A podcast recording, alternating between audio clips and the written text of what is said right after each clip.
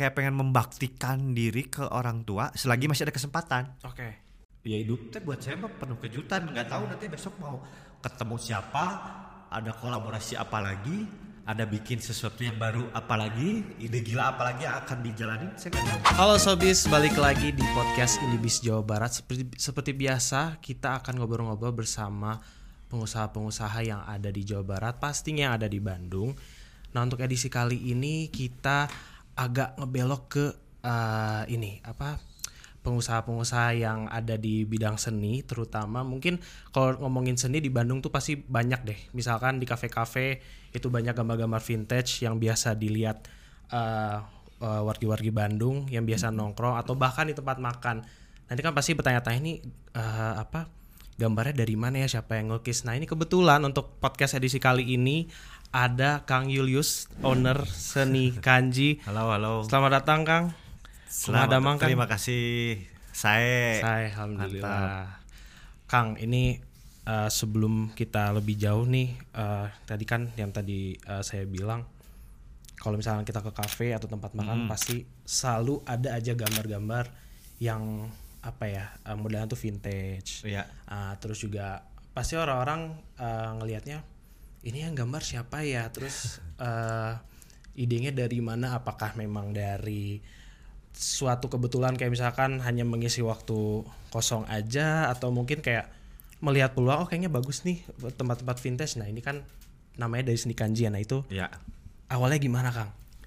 ya eh, lumayan panjang nih ceritanya ini. gak apa-apa, Kang. Ceritain aja, Kang. ya jadi awalnya itu ini project itu kan saya awalnya bermula dari saya bikin tulisan sebenarnya Oke, tulisan. saya memang nulis tulisan pendek gitu ya medianya itu di status Facebook dulu terus di Twitter multiply Ya. jadi sebelum ada online pun sebelum era internet pun saya memang nulis tulisan-tulisan puisi sajak gitu dari sejak Oke, SD suka oke. nulis suka baca suka nulis gitu nah dari tulisan-tulisan quotes jargon slogan ini akhirnya pas zaman kuliah berkembang banyak yang dipak yang make Oke. ketika saya bikin dipakai gitu buat kebutuhan mading kampus Oke. kebutuhan buletin terus saya juga karena saya suka gambar juga saya bikin tagline itu saya bikin eh, graffiti di tembok-tembok gitu ngetag gitu kalau bahasanya ngetag ngegambar tulisan gitu ya. Bikin stencil art juga. Jadi base-nya dari kata-kata gitu. Nah akhirnya setelah era internet saya ngepost di Facebook. Jadi status Facebook orang banyak yang nge-copy paste. Oke. terus akhirnya mulai juga saya bikin tulisan akhirnya dibayar bikin copywriting buat brand Ya. gitu. Terus akhirnya dikembangkan juga jadi ada yang jadi lirik lagu jadi materi stand up comedy macam-macam gitu dari base tulisan ini.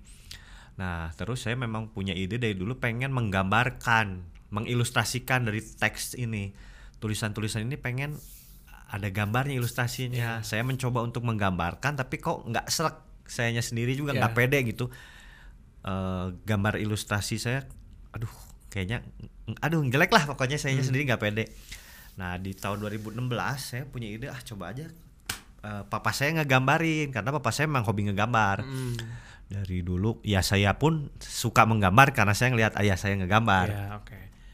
Nah akhirnya di tahun 2016 saya ngetes Pak cobain pak saya kasih quotes quotes ini digambarin pak buat apa? Dia nanya nggak apa-apa eh, tes aja pengen tahu kalau digambarin gimana. Ya udah dia coba gambarin pakai bolpen. Di kertas bekas kertas bekas eh, papa saya kan kerja di pabrik ya jadi kertas-kertas bekas itu kertas bekas kalender kertas Ya. bekas salah ngeprint Yang kalender berarti belakangnya ya, Kang, belakangnya ya? Ya. eh, terus kertas salah ngeprint kertas-kertas yang mau dibuang lah kertas sampah yang udah nggak kepake gitu belakangnya masih ada yang polosnya ngegambar di situ ya udah coba tes nah terus saya punya ide digabungkan dengan huruf kanji Mandarin karena Oke. kebetulan saya eh, manajerin beberapa talent lah sering jalan tour sama band juga saya seneng kalau ke tempat-tempat pecinan gitu ya ke eh, ngelihat signboard signboard neon box gitu di kota-kota tua eh, Chinatown gitu Ya. kayak di Hong Kong di Taiwan gitu di China di Beijing waktu itu di Shanghai lihat eh, signboard itu eh, eksotis gitu buat saya. Iya. Eh, teks huruf Latin sama kanji Mandarin digabungin tuh jadi perpaduan yang unik gitu. Nah, saya mencoba itu coba digabungkan. Nah, kebetulan ayah saya waktu itu kursus, lagi kursus bahasa Mandarin. Ya udah coba di-combine aja. Saya kasih quotes, dikasih translationnya Ya. kanji Mandarin, gambar ilustrasi. Pas udah jadi, wow. Ini yang saya pengen Ya. gitu dari dulu. Vintage-nya kebayang juga vintage-nya ya, ya? dapat betul Ya. karena ayah saya kan memang udah kakek-kakek. Jadi udah vintage nih Ya, yang ya. gambarin pas jadi wah ini yang saya pengen. Saya bikin di situ paralel saya memang bikin nyiapkan bikin Instagram seni kanji. Saya fotoin pakai handphone doang, saya foto, Hmm. saya post aja di Instagram gitu. Ya jadi itu project itu dimulai dari situ. Situlah saya ya udah meng nge-managerin lah talentnya ayah saya karena Ya. saya juga berpikir ayah saya dari dulu cita-citanya pengen jadi seniman nggak pernah kesampaian kerja di pabrik udah tua udah umur 64 kasihan gitu jadi saya di situ juga memang saya udah biasa nge-managerin talent juga saya Hmm. memang ya kerja di industri entertain belakang layar memang iya, saya iya. selalu di belakang layar ya udah saatnya ini saya manajerin ayah saya gitu Ya, oke.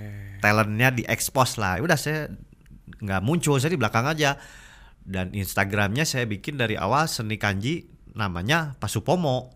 Oke. sampai sekarang pun nggak akan sampai kapan pun nggak akan pernah saya ganti Pasupomo aja. Jadi kalau orang ngelihat karya seni kanji siapa sih pelukisnya? Siapa sih senimannya? Ya Pasupomo, Pasupomo, oke. bisa dilihat ada tanda tangan di bawah Pasupomo gitu. Saya memang ya udah di belakang aja. Ketika ada podcast begini pun ya karena sekarang Pasupomo udah almarhum ya mau nggak mau saya mewakili gitu. Saya bercerita lah tentang Ya.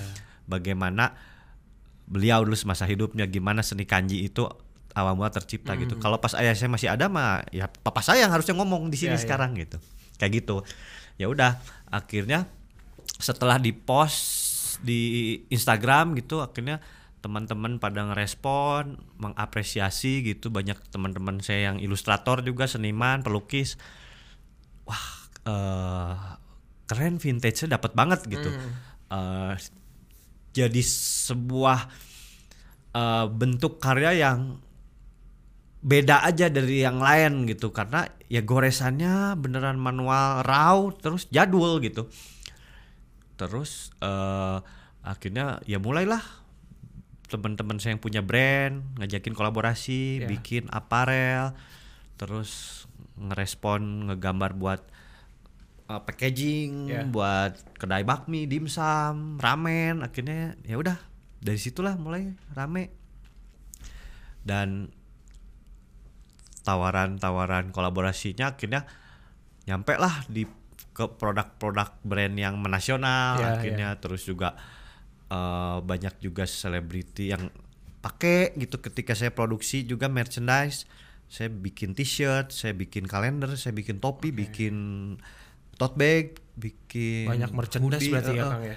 akhirnya laku dibeli dan orang-orang ngepost gitu kayak wah eh, suka gitu dengan produknya. Dan memang produknya juga kan limited jadi orang banyak cari ya udah mouth to mouth aja. Akhirnya ya udah jalan sampai sekarang gitu. Ayah saya meninggal di 2021 meninggal tapi ya udah saya olah terus aset gambarnya dan masih terus produksi Ya. sampai sekarang gitu Berarti kan gitu. tadi eh, mungkin dari ide awalnya adalah eh, Kang Julius melihat ada ini nih ada kesempatan di mana eh, kata-kata mungkin tadi yang Kang Julius bilang di awal su- memang suka bikin puisi sajak terus menggabungkan dengan gambar hasil lukisan vintage eh, almarhum Bapak dari Kang Julius itu kan eh, dari ide awalnya nah untuk mengajak Bapak itu agak sulit nggak sih atau Ya. harus ada beberapa beberapa kali kayak ngeyakinin Yes. Pak ini ada kesempatannya nih atau Ya. gimana? Nah itu gimana ceritanya Kang? Ya, itu tuh drama banget gitu. Oke. Saya kebetulan hubungannya sama ayah tuh sangat jauh. Saya tuh dari kecil memang selalu menghindar kalau pengen ket- mau ketemu sama ayah saya tuh saya malas banget. Jadi kepribadiannya tuh eh, sama saya bertolak belakang gitu. Jadi saya dari sejak SD udah banyak kabur-kaburan main di luar dan udah SMP SMA udah jarang ketemu gitu. Eh, sering nginep di rumah temen kalaupun pulang pun malam saya nggak mau ketemu gitu Iya, dari dari SMP SMA apalagi kuliah apalagi udah nggak pernah pulang.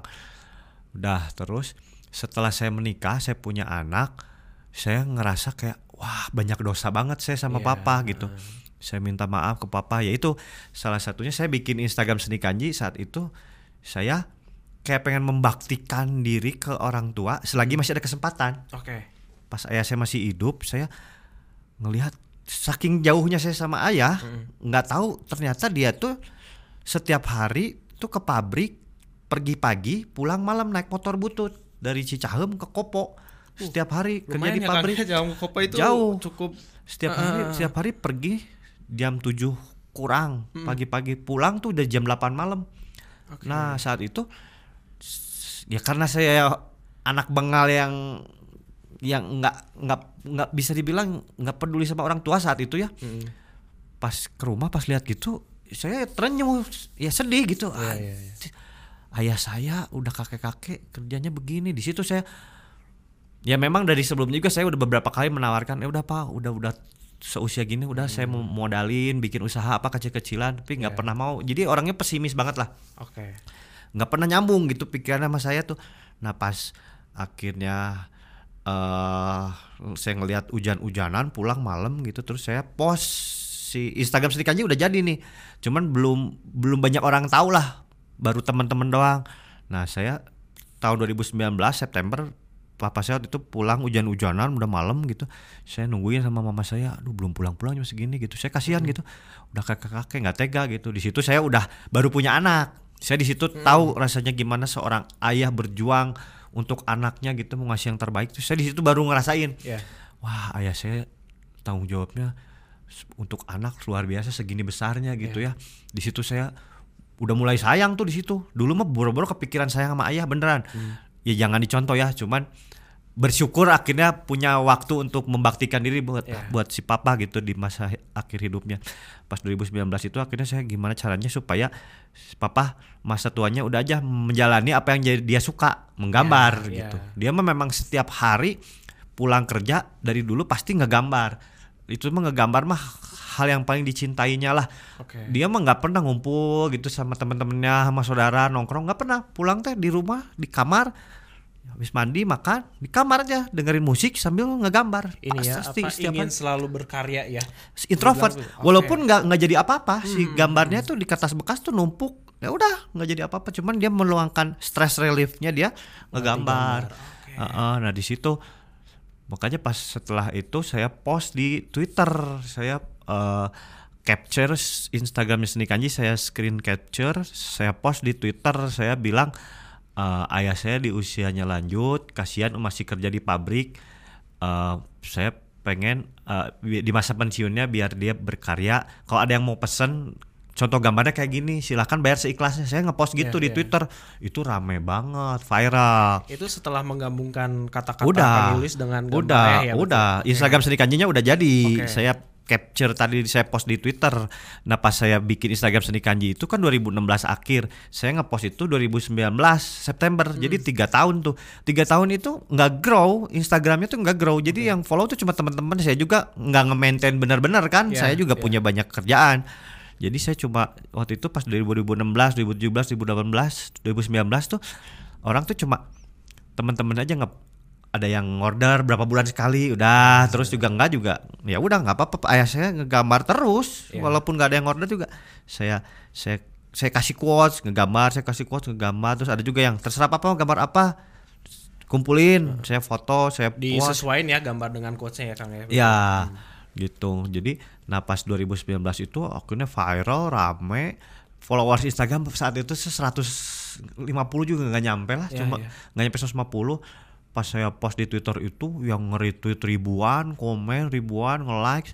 Pas lihat Instagramnya Seni Konju terus Ya. nambahin followers, DM masuk terus orang pengen order sampai 3000 lebih itu dalam sehari penambahan followersnya.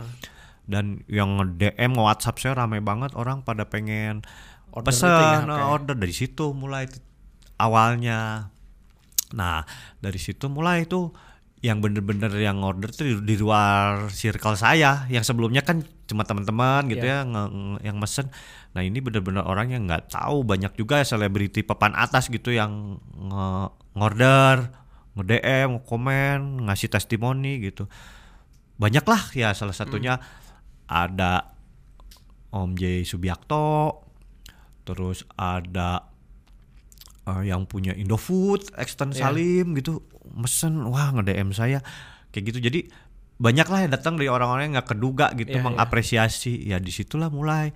Nah terus tadi kalau menjawab pertanyaannya apakah susah gitu eh ngasih arahan gitu ya ke ayah saya saya dari quotes quotes ini untuk ayah saya ngegambarin itu lumayan Ini lumayan ya harus ada chemistry dulu baru Betul. kayak oh jadinya gini gitu. Betul, Oke, ya itu ah. tadi karena saya sama ayah saya juga kan jarang ngobrol. Hmm.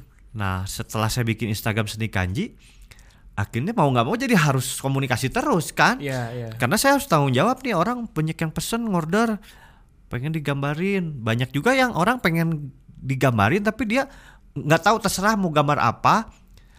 eh orang suka aja dengan Iya. karakter gambar seni kanji. Jadi banyak juga yang waduh mau gambarnya gimana Iya. nih nggak tahu. Terus akhirnya ya udah eh, jadinya asesmen saya sama si klien.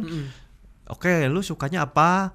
Apakah punya slogan atau pribadi atau atau lu punya kata-kata khusus? Ya udah dari kata-kata itu ilustrasikan dan di- saya ilustrasikan. Nanti saya tentukan objeknya, Pak. Objeknya gambar ini ini ini nih. Kayak ada juga yang dia nggak punya quotes apa-apa, pokoknya terserah lah. Ada juga yang memang saya kenal selewat gitu karena saya kerjaan ngurusin band, event. Jadi ada yang pernah kenal selewat. Ya lu yang lu tahu dari gua apa? Silahkan Ya. biar surprise aja. Ah, jadi gua akhirnya bikin quotes. Terus ya banyak juga quotes-quotes yang relate sama anak muda yang ayah saya bingung. Ya. Maksudnya apa sih gitu. Ya akhirnya saya tentuin objek-objeknya. Kadang saya sketch dulu. Pak ini oh, gambarnya ini sebelah kiri gambar ini, sebelah kanan ini, di tengah ini, gini. Udah pokoknya eh, layoutnya yang atas tuh pasti quotes huruf Latin, Iya. kadang bahasa Indonesia, kadang bahasa Inggris.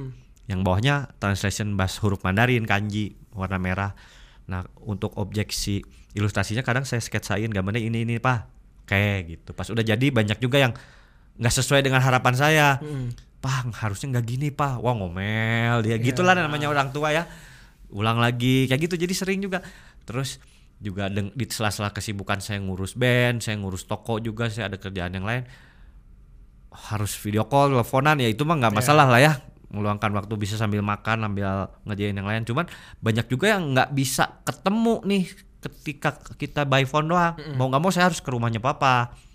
Datang ya untungnya nggak jauh lah. Iya. Masih di Bandung juga. Saya ke rumah papa saya ketemu akhirnya saya brief pak gini gini gini gini gini jangan sampai salah lagi ya udah kerjain gitulah Berarti Seru dari lah. awal yang mungkin bahasanya ya udah yang ada dulu aja sampai ketemu klien harus brief ini brief itu. yes ya tanggung jawab akhirnya Baru dari situ apa ini ya nyamain apa dengan quotesnya ini quotesnya gini gambarnya kalau bisa nyesuaiin berarti arahan-arahan gitu ya. Iya, ya, iya, iya. Mungkin ah, bisa dibilang agak cukup rumit dan ta- tapi pada akhirnya ya sejalan lah gitu ya Kang ya.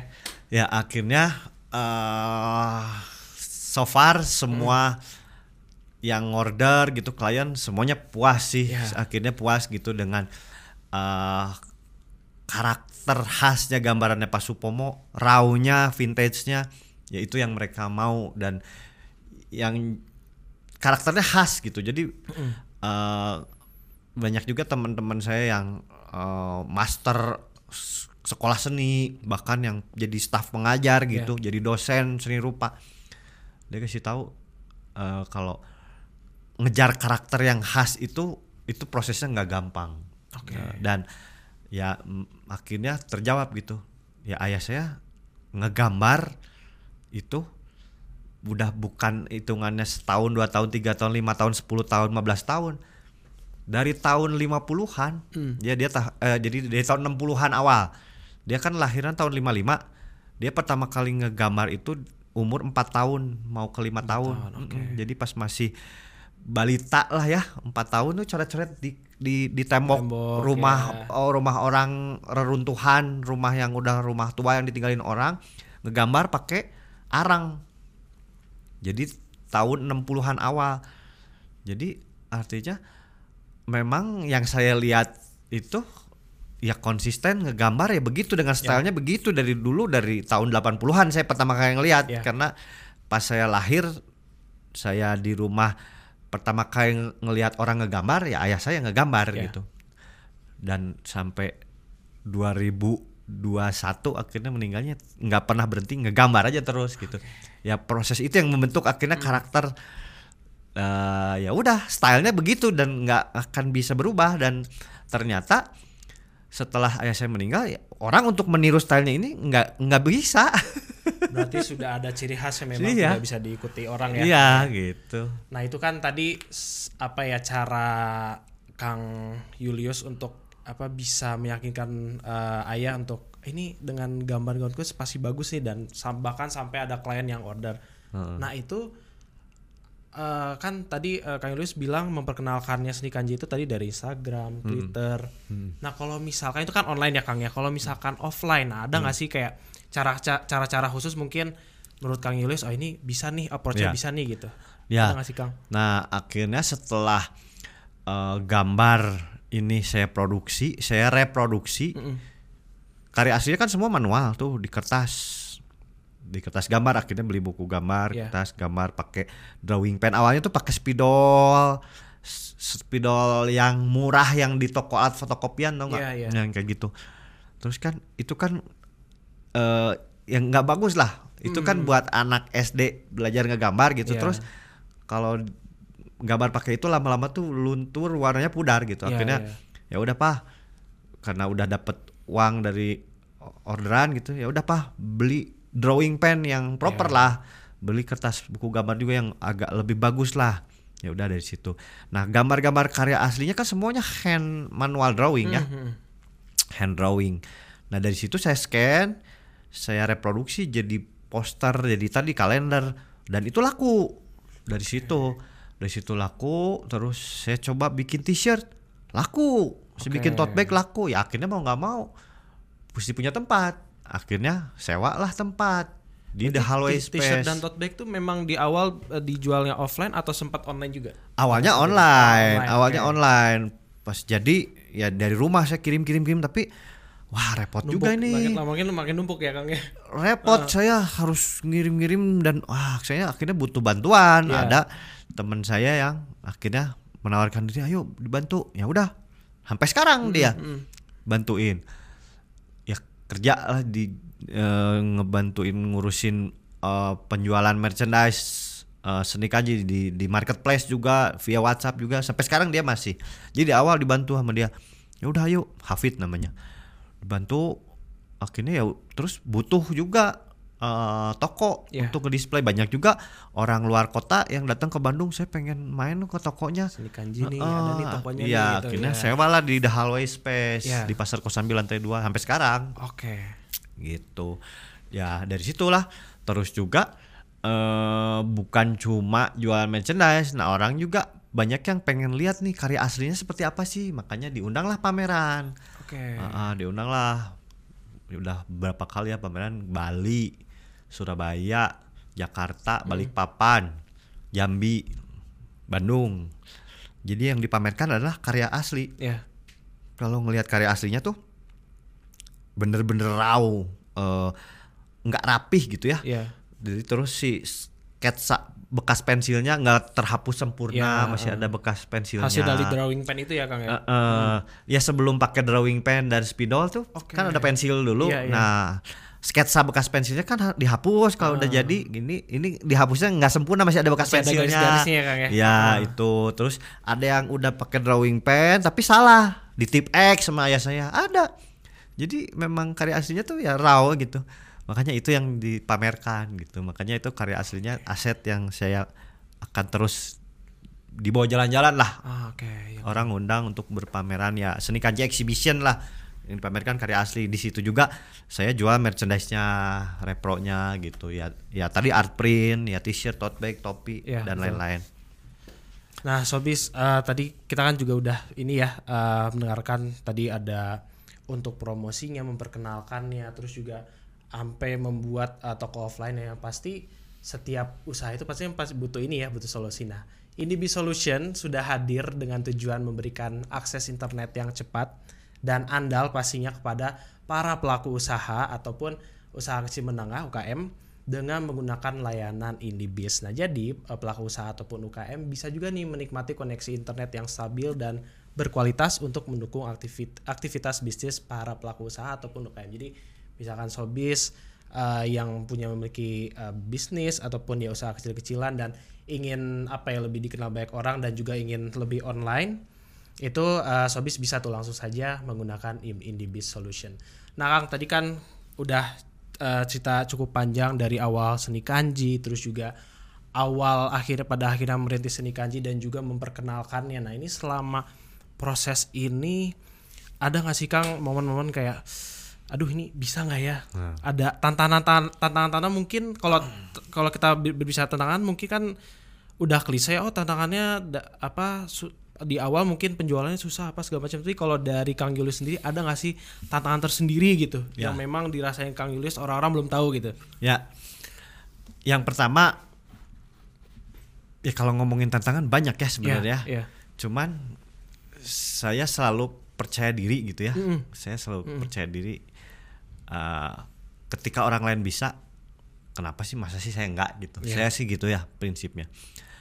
Dulu sering kepikiran dari zaman kuliah SMA ya SMA gitu. Saya ngelihat abang-abangan saya gitu. Tapi saya kan nongkrong kebetulan di circle-nya industri kreatif awal-awal lah pioneer pioneernya lah kalau sebutlah eh clothing clothing lokal Bandung yang pertama kali muncul gitu di 90-an ya saya nongkrong di situ sebagai adik-adik lah. Iya. anak-anak masih bocah lah nongkrong di situ gitu ke Saparua terus nongkrong gimana mereka memproduksi uh, produk secara do it yourself gitu. Terus di situ saya ngelihat perkembangannya wah hebat hebat nih. Tapi saya kayak nggak pede wah saya kalau bikin ah, modal dari mana? gitu. Iya. selalu mikir gitu. Tapi nggak tahu selalu tercetus suatu hari saya mungkin bisa juga gitu. Mm-mm. Nah udah uh, seiring berjalannya waktu gitu teman-teman saya pas udah kuliah akhirnya ada yang bikin. Terus saya nggak nggak pernah bikin karena nggak punya modal kan. Iya. jadi dari dari ngelihat awalnya abang-abangan ini bikin gitu dari 90-an terus 2000-an teman-teman segenerasi saya pada mulai bikin udah sampai akhirnya jadi gede sampai 2010-an saya masih belum punya keberanian untuk merilis bikin produk. Sampai akhirnya 2019 2020 akhirnya pas pandemi ngelihat si seni kanji ini diapresiasi wah di sini saatnya mungkin saya bikin produk. Iya. bentuknya aparel uh, bentuknya t-shirt tadi topi uh, tote bag dan lain-lain di situ. Uh, terus oh ternyata bisa gitu. Dan akhirnya menemukan juga oh di sini ternyata jalannya dan di sini ternyata yang menjadi uniqueness. Karena kalau misalkan uh, saya nggak bikin karya seni kanji ini kalau saya bikin brand bikin clothing eh, nggak gimana ya? Jadi kalau misalkan saya bikin desain gitu digital gitu atau bikin graffiti Ya. kayaknya pemainnya udah banyak gitu. Terus untuk bersaing mereka udah udah jauh gitu Iya. distribusi udah banyak udah punya toko modal gede gitu. Saya ngerasa ah udah dah eh, udah pasti kalah gitu kayak gitu. Cuman ketika saya eh, si seni kanji ini akhirnya diapresiasi saya pede. Akhirnya oh karena nggak ada nih yang kayak begini gitu. Ini jadi nilai uniknya. Makanya saya pede jalan terus. Itu kendala pertama terlewatin. Kendala kedua adalah ketika pas 2021 ayah saya meninggal tiba-tiba. Ya, ya. bener-bener meninggalnya ya bikin shock lah. Nggak nggak ada nggak ada sakit dulu lama. Tiba-tiba aja eh, kakinya bengkak serangan jantung gitulah Iya. pokoknya penyumbatan darah terus komplikasi serangan jantung. Jadi hitungannya sehari dia ngerasa sakit masih nggak gambar itu besoknya tiba-tiba serangan meninggal.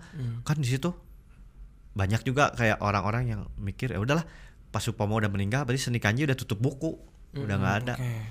Nah, tapi tidak semudah itu. Iya, iya. Karena eh, saya udah mempersiapkan juga si eh, gambar-gambar ini banyak juga yang belum saya rilis. Oke. Terus juga aset gambarnya ini banyak. jadi setel, dari 2016 akhir itu bikin seni kanji Ya. terus kan dengan ayah saya masih kerja di pabrik saya juga sibuk dengan kerjaan saya tapi ngegambar kan nggak berhenti Ya. dan saya udah bilang pah pokoknya gambar papa jangan ada yang dibuang tapi saya bilang ke mama simpan aja semuanya Ya. saya simpan saya bawa ke rumah saya nah sebelum 2016 itu tuh nggak ada yang tersimpan jadi kalau misalkan mau dikumpulin sebenarnya kalau dari dulu wah itu puluhan ribu Hmm. bisa ratusan ribu lembar sebenarnya cuman sebelum 2016 tuh nggak ada tersimpan asetnya karena yang ngerasa nggak ada value-nya gambarnya Iya. gitu. Nah makanya setelah 2016 itu disimpan dan itu yang sampai sekarang saya olah terus asetnya objek-objeknya ini saya bisa comot saya layouting Iya. ulang tetap bisa produksi gitu Iya, sampai iya. sekarang gitu kayak gitu dan ya udah tantangannya sih itu dua itu. Nah cuman saya pun juga harus tetap ngejaga tetap ngekurasi brand yang mau kolaborasi.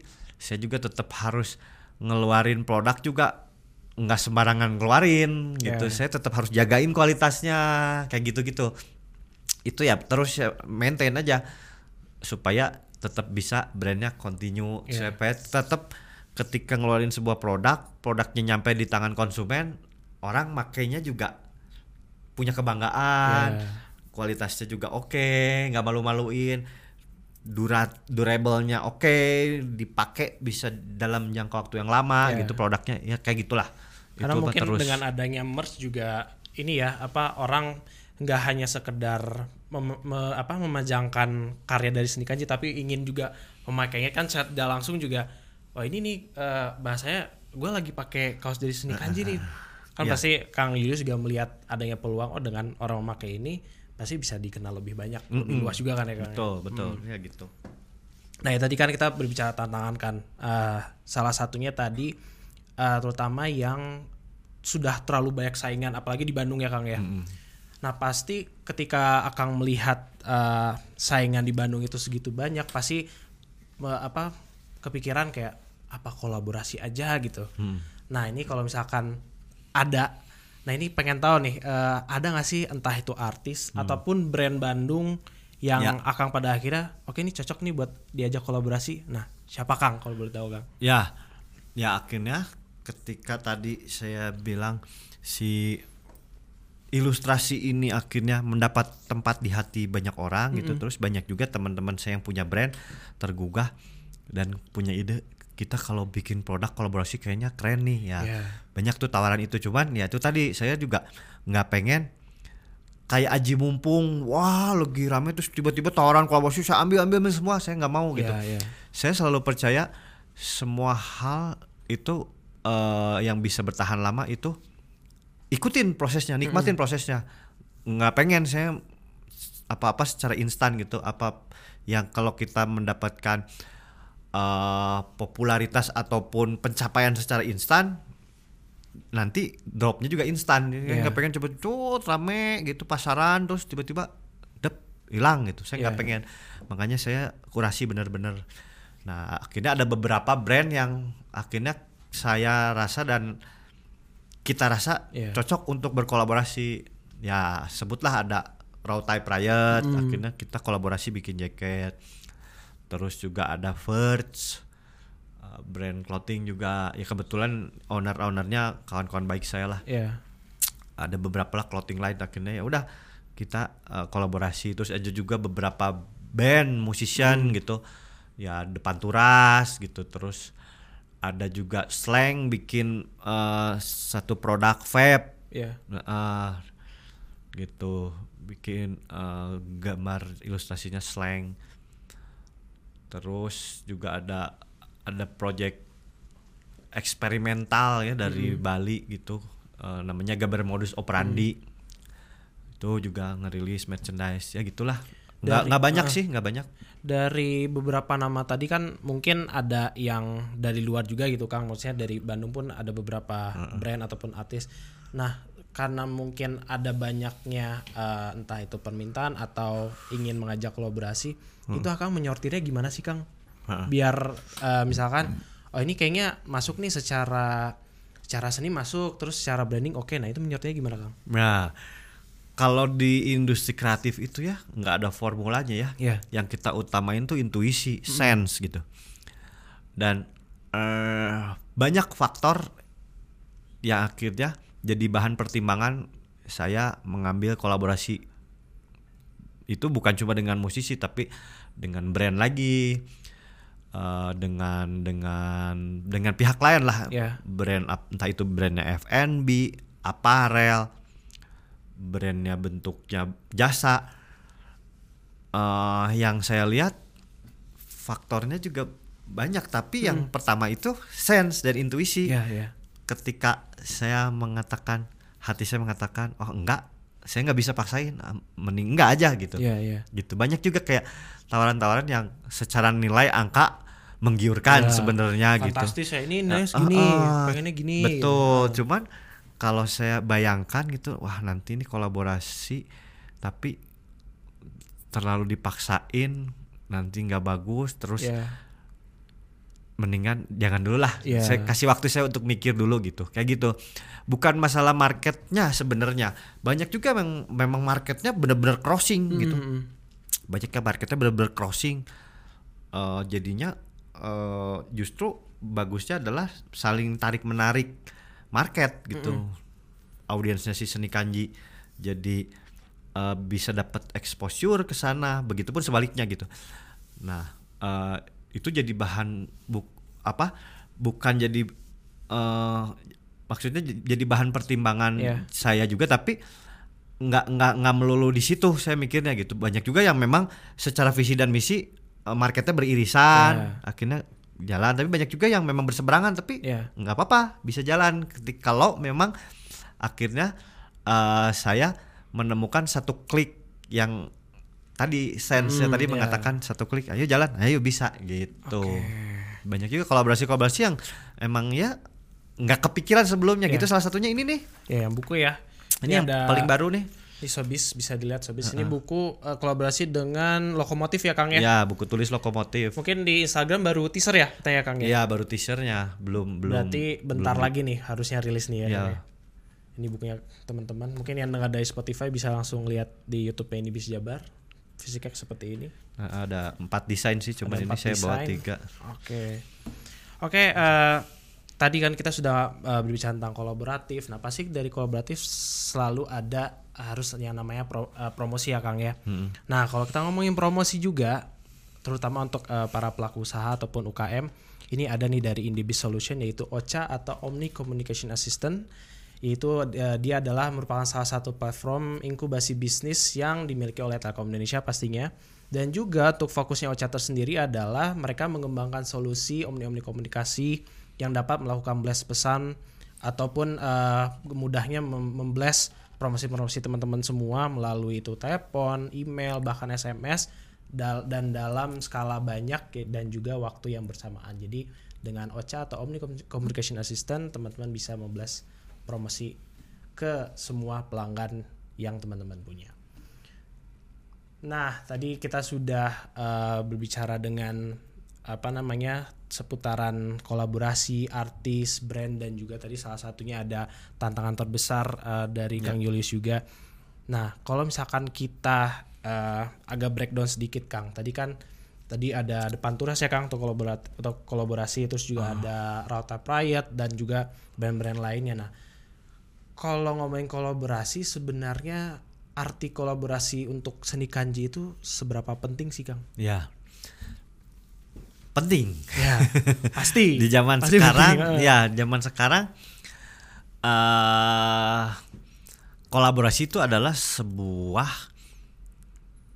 cara dan sebuah metode dari sebuah brand untuk memang mengembangkan si brandnya itu sendiri ya Ya, sebuah contoh dan eh, penggambaran bahwa si brand ini nggak nggak egois nih gitu. Ya, kolaborasi itu itu yang yang kalau yang saya lihat sebagai kacamata awam awam gitu ngelihat si brand itu bersahabat gitu. Ya, ketika kita lihat brand berkolaborasi si A sama si B wah bersahabat nih mereka Iya. temenan gitu.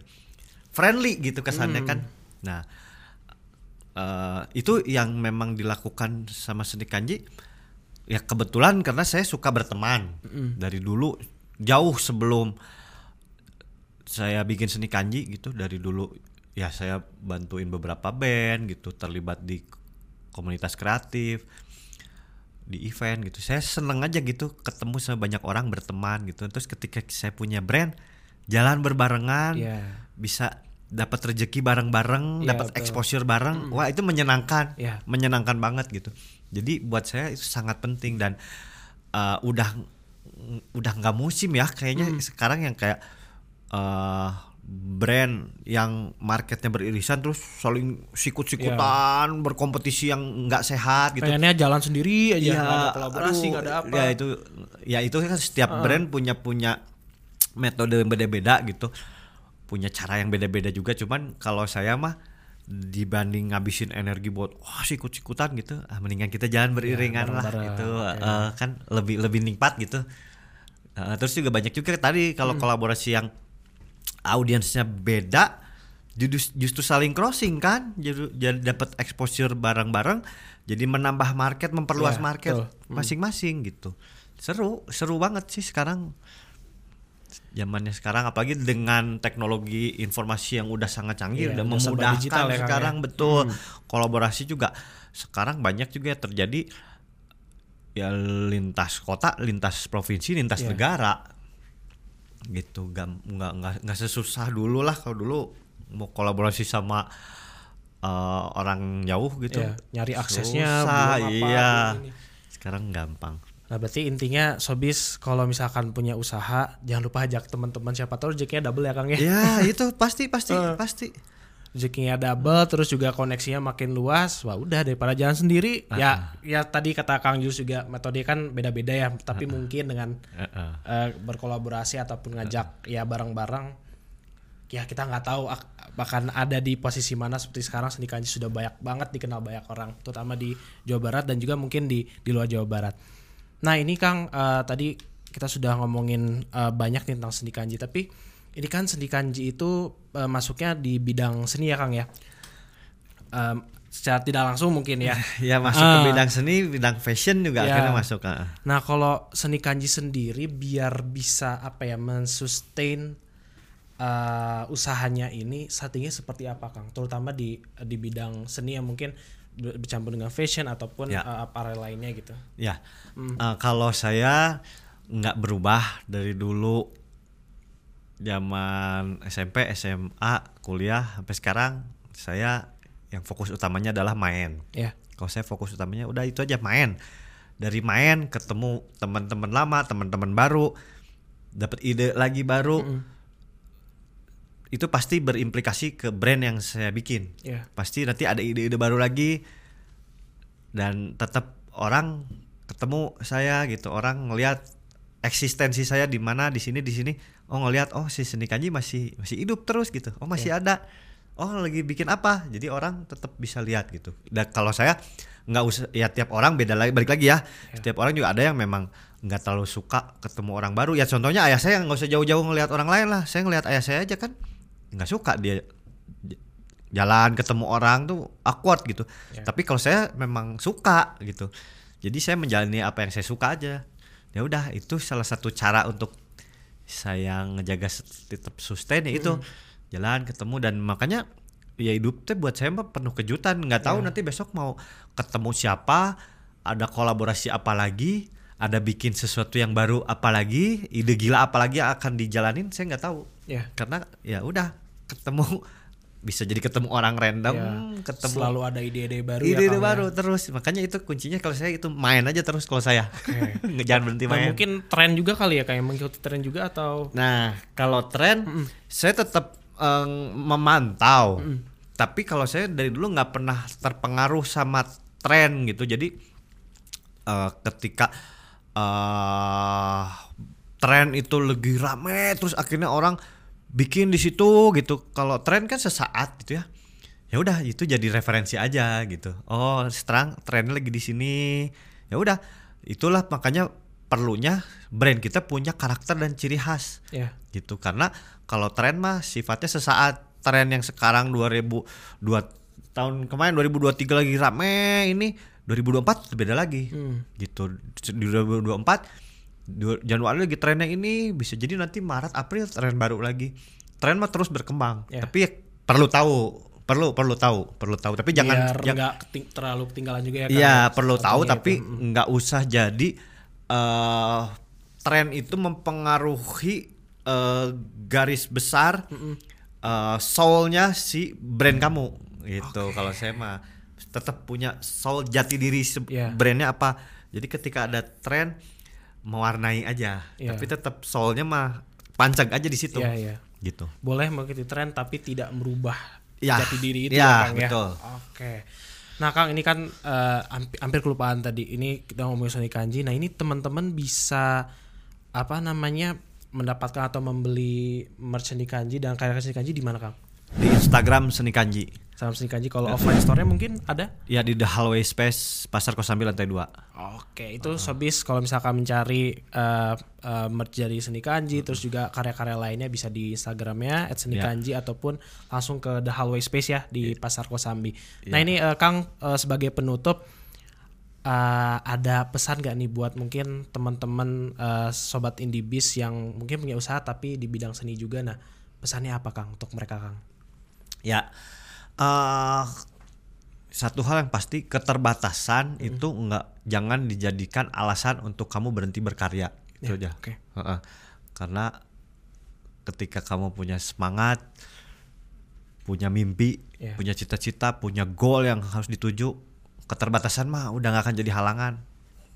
Gue bisa mencapai ini, yakin gimana caranya pasti bisa, gitu aja. Oke. Heeh.